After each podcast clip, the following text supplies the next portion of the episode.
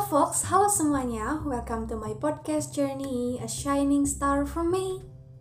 Kembali lagi di minggu kedua mengudara di awal bulan kelahiran sang membara. Bulan yang sepanjang waktunya pernah membuatku jatuh hati hingga menggila rasanya, sampai pernah pula kuratapi dengan penuh tangis yang tak ada hentinya. Ini berawal dari cerita yang paling diminati, di mana hati menambatkan cintanya. Terkisahkan sudah sosok dengan lima tahun lamanya menenangkan jiwa, membuat bahagia jadi ujungnya. Meski seketika, hanya dengan semalam menyisakan dada hingga bertahun juga lamanya. Penghujung tahun 2020 memang menjadi yang paling berat membekas. Karenanya seolah arah tiada henti, pergi dan menghilang, lalu panas di kening Ternyata manusia tak bisa mengalahkan apa yang sudah dijadikannya janji. Dan inilah episode selesai dengan Sang Raja Tega. Mengingat kembali Juli 2016, sudah enam tahun ternyata terlalui. Sudah enam tahun aku terjebak dalam dunia yang diadakan olehku sendiri. Sebab ternyata dia tak jadikanku dunia. Mungkin pernah, namun sementara. Di tahun itu penuh kebimbangan, sebab ragu untuk memulai dengan siapa jadi pertanyaannya. Namun, seiringan dengan ragu yang kian menahan, sang legenda itu hadir menyapa. Ia mengetuk hati berkali-kali adanya. Memang di awal kukira akan baik-baik saja sebagai teman cerita. Tapi, nyatanya nyaman juga. Mungkin hati ini menambatkan cintanya secepat kilat, seolah percaya bahwa ialah ujungnya. Hingga setiap waktu tak pernah dilalui tanpanya, mengalir tanpa ada batasnya. Ia buatku kian ragu memilih yang lain, ia buatku kian sulit untuk mundur darinya. Rasanya saat itu aku memang jatuh hati sedalam-dalamnya, sampai lupa bahwa bisa jadi bukan ia orangnya. Sampailah di persimpangan jalan di mana masa menengah sekolah atas kemudian datang menyapa. Ia tetap ada di genggaman, menjadi orang dengan banyak hal yang kulalui untuk berbagai macam pertama. Pertama kali merasa amat didengar, pertama kali jalan bergandengan, pertama kali mendekap erat, sampai beragam pertama kalinya yang tak terhingga nilainya. Tentu lima tahun bersama-sama, ada begitu banyak cerita yang akan selalu dikenang. Dari awal mengenalnya di bangku pertama, di pagi hari, di jam istirahat, memberi salam perkenalan yang hangat dan langsung memberinya senyuman lebar, menandakan bahwa ia seperti dekat sekali rasanya. Dan betul saja, di tahun ke depannya, memang ia yang paling dekat. Memang ia yang kubagikan semua cerita pahit dan manisnya dan memang ia yang kupercaya adanya. Sampai-sampai ratusan kawan lainnya begitu tahu perjalanan di hadapan selama mengembara bersama. Dari yang awalnya berteman dekat, teman yang suka bermusuhan karena saling jahil nama orang tua, teman menggila bernyanyi Shawn Mendes dan Ariana Grande bersama. Sampai juga sering kali tak ngobrol berhari karena merasa cemburu aku main dengan yang lain dan atau ia yang main dengan yang lain. Itu semua memang cerita yang apabila dibukukan rasanya akan jadi ratusan halaman. Kini semua seolah tergambar indah rasanya. Dan aku ingat betul, seperti tak ada satu hari pun yang kulalui tanpa ucap rasa syukur atas kehadirannya. Sudah bawa tenang, meski banyak halangan seolah badai menerpa. Ia yang begitu didoakan hidupnya oleh kedua orang tuaku, yang begitu ingin menganggapnya anak laki-laki pertama di keluarga. Ia yang meski banyak berbuat salah selalu cepat kulupakan adanya. Bahkan ia yang mau bagaimana bentuk dan rupanya akan selalu ada kata terima dalam setiap maaf di akhirnya. Halnya dengan aku yang akan terus mengingat kebaikannya walau kini seolah ia sang legenda itu tak lagi ada wujudnya. Mungkin karena terlalu merasa memiliki, sampai-sampai aku lupa bahwa setiap orang ada kalanya akan berubah. Kembali ke cerita di balik penghujung tahun 2020. Baru saja aku rayakan hari bahagia kelahirannya dan hari jadi antara kita. Yang berlangsung bersama keluarga terdekat yang begitu erat diingatan Amat bahagia saat itu bisa merayakan hari lahirnya dengan orang-orang yang ada selalu untuknya. Sampai tangisan terus berderai ketika begitu banyak orang yang menyayanginya, mendoakannya. Aku kira itulah ia yang diserbu tanpa batas adanya. Mungkin terkesan biasa saja, tapi ada begitu banyak kata sembunyi di baliknya. Ternyata aku bukan yang paling tahu dirinya. Ternyata apa yang di depanku ya bukan seapa adanya dirinya. Ternyata ada orang yang ingin dirinya, ingin berbahagia bersamanya. Saat itu, aku merasa kalah untuk menang toh aku yang benar memilikinya. Tapi itu kata siapa? Itu hanya kataku kan? Sedih ya? Ternyata orang yang paling kucita dan percaya masih bingung dengan perasaannya.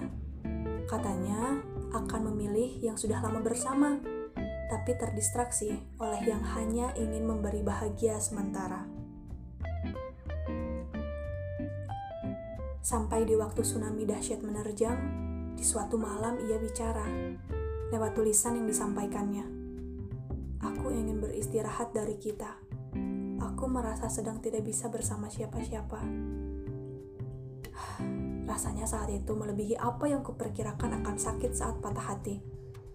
Rasanya dahsyat sekali menggerogoti pikiran dan badan yang setengah membeku.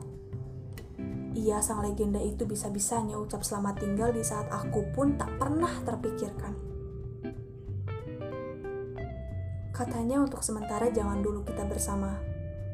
Bodohnya saat itu aku masih ucap iya. Menunggunya berbulan hingga reda harusnya sudah dirasa.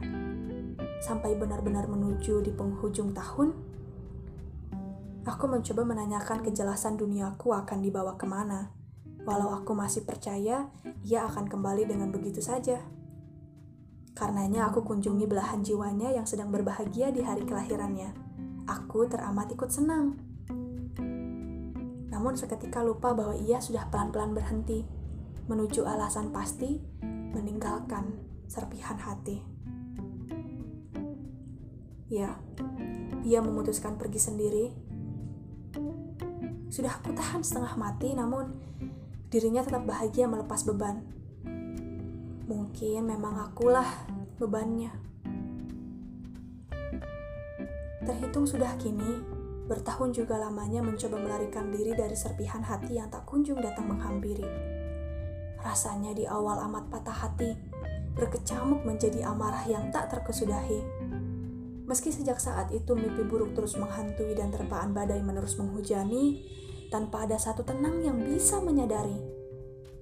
Mungkin belum jadi sehidup semati, namun untuk sang peri, raja dari segala tega adalah dirinya yang seketika pergi dan menengok ketika butuh diadakannya.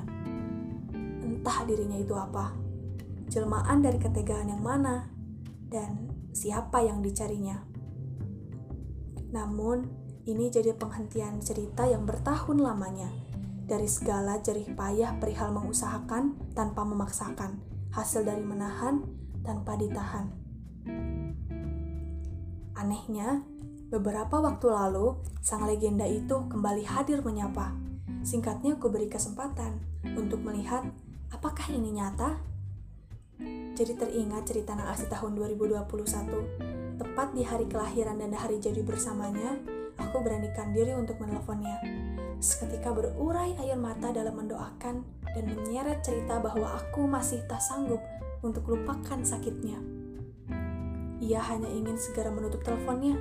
Mungkin ia hanya ingin ucap terima kasih saja, tanpa tahu seberapa aku bersiap-siap lamanya untuk hanya ingin mendengar suara yang tak sudah kudengar berbulan lamanya. Karenanya, mulai tahun ini akan kuusahakan untuk tak lagi bodoh menjumpa dan cerita lucunya, sebelum keberangkatan akan kepindahanku, salah satu alasan dibalik pergi, ya dirinya. Untuk lupa bahwa sakit dan lukanya yang begitu membekas. Tapi begitu tiba-tibanya ia datang di hadapan, membawa cerita tak mengenakan yang sedang dilaluinya. Katanya bertemu denganku menenangkan. Dalam hatiku jawab, suruh siapa pergi dari yang paling mengertinya? Sampai ada berminggu-minggu rasanya, ia seperti orang yang ku kenal dekat bertahun lamanya.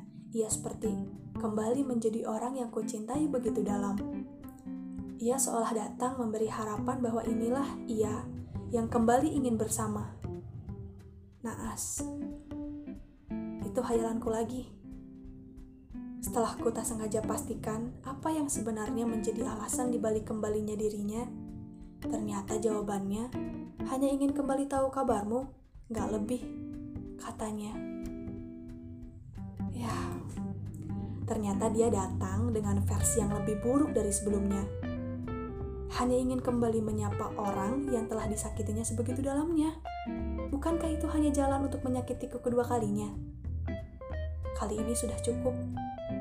Aku pun sudah cukup tahu tentangnya.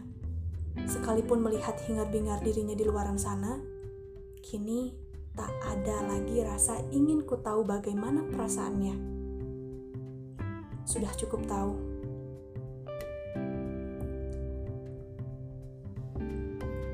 Kini beranjak ke hariku yang baru. Meski selama terluka banyak hati membuka telinga, tapi tak ada satupun yang mendengar suara hatiku. Riuh memang, namun sendiri kurasa. Yang didapat sekarang bahwa aku mulai belajar perihal makna di balik memaafkan. Sebab jika kamu memaafkan seseorang, tetapi masih ada amarah, luka, dan air mata, maka itu sejatinya bukanlah memaafkan, karena memaafkan itu bukan untuk orang lain. Memaafkan itu untuk diri kita sendiri. Karenanya, ketika orang yang menyakitimu begitu terlihat berbahagia dan baik-baik saja di atas penderitaanmu, percayalah bahwa semesta sedang menaikkan ia setinggi-tingginya sebelum menjatuhkannya sedalam-dalamnya. Sebab dalam hidup singkatnya begini, ketika sekarang kamu dibuang layaknya seperti sampah, maka nanti akan ada yang menjagamu layaknya seperti berlian. Karena sekali lagi, memaksakan kehendak dicintai di mana pun. Dan walaupun kamu coklat paling enak, tapi ternyata ia sukanya strawberry, ia akan tetap susah, sulit untuk bersama sudah waktunya untuk aku belajar pengertian. Dan kini akhirnya aku sudah semakin bisa menerima, mencoba kembali bernafas dan beraktivitas. Satu hal yang bisa aku petik hikmahnya, untuk jangan kembali menjadikan seseorang sebagai poros dunia. Sebab halnya, kesetiaan seseorang itu tak bisa dibeli, tak bisa jadi harapan pasti, dan tak ada harga mati. Maka jika dengan ini, bilakan baik bagimu dan bilakan baik bagiku, tak akan apa. Asal kamu bahagia. Kini, kan ku lepas dengan ikhlas. Terima kasih ya. Mungkin tugasku hanya untuk merawat sayapmu, bukan untuk terbang bersamamu. Mungkin hadirku hanya jadi bintang di malammu sebelum terang kembali menyapa dengan sendirinya. Bertahun sudah berlalu, waktunya memulai hari yang baru. Semoga Bara baik-baik. Jangan sampai kita bertemu lagi ya. Siap maju. Salam pemuda.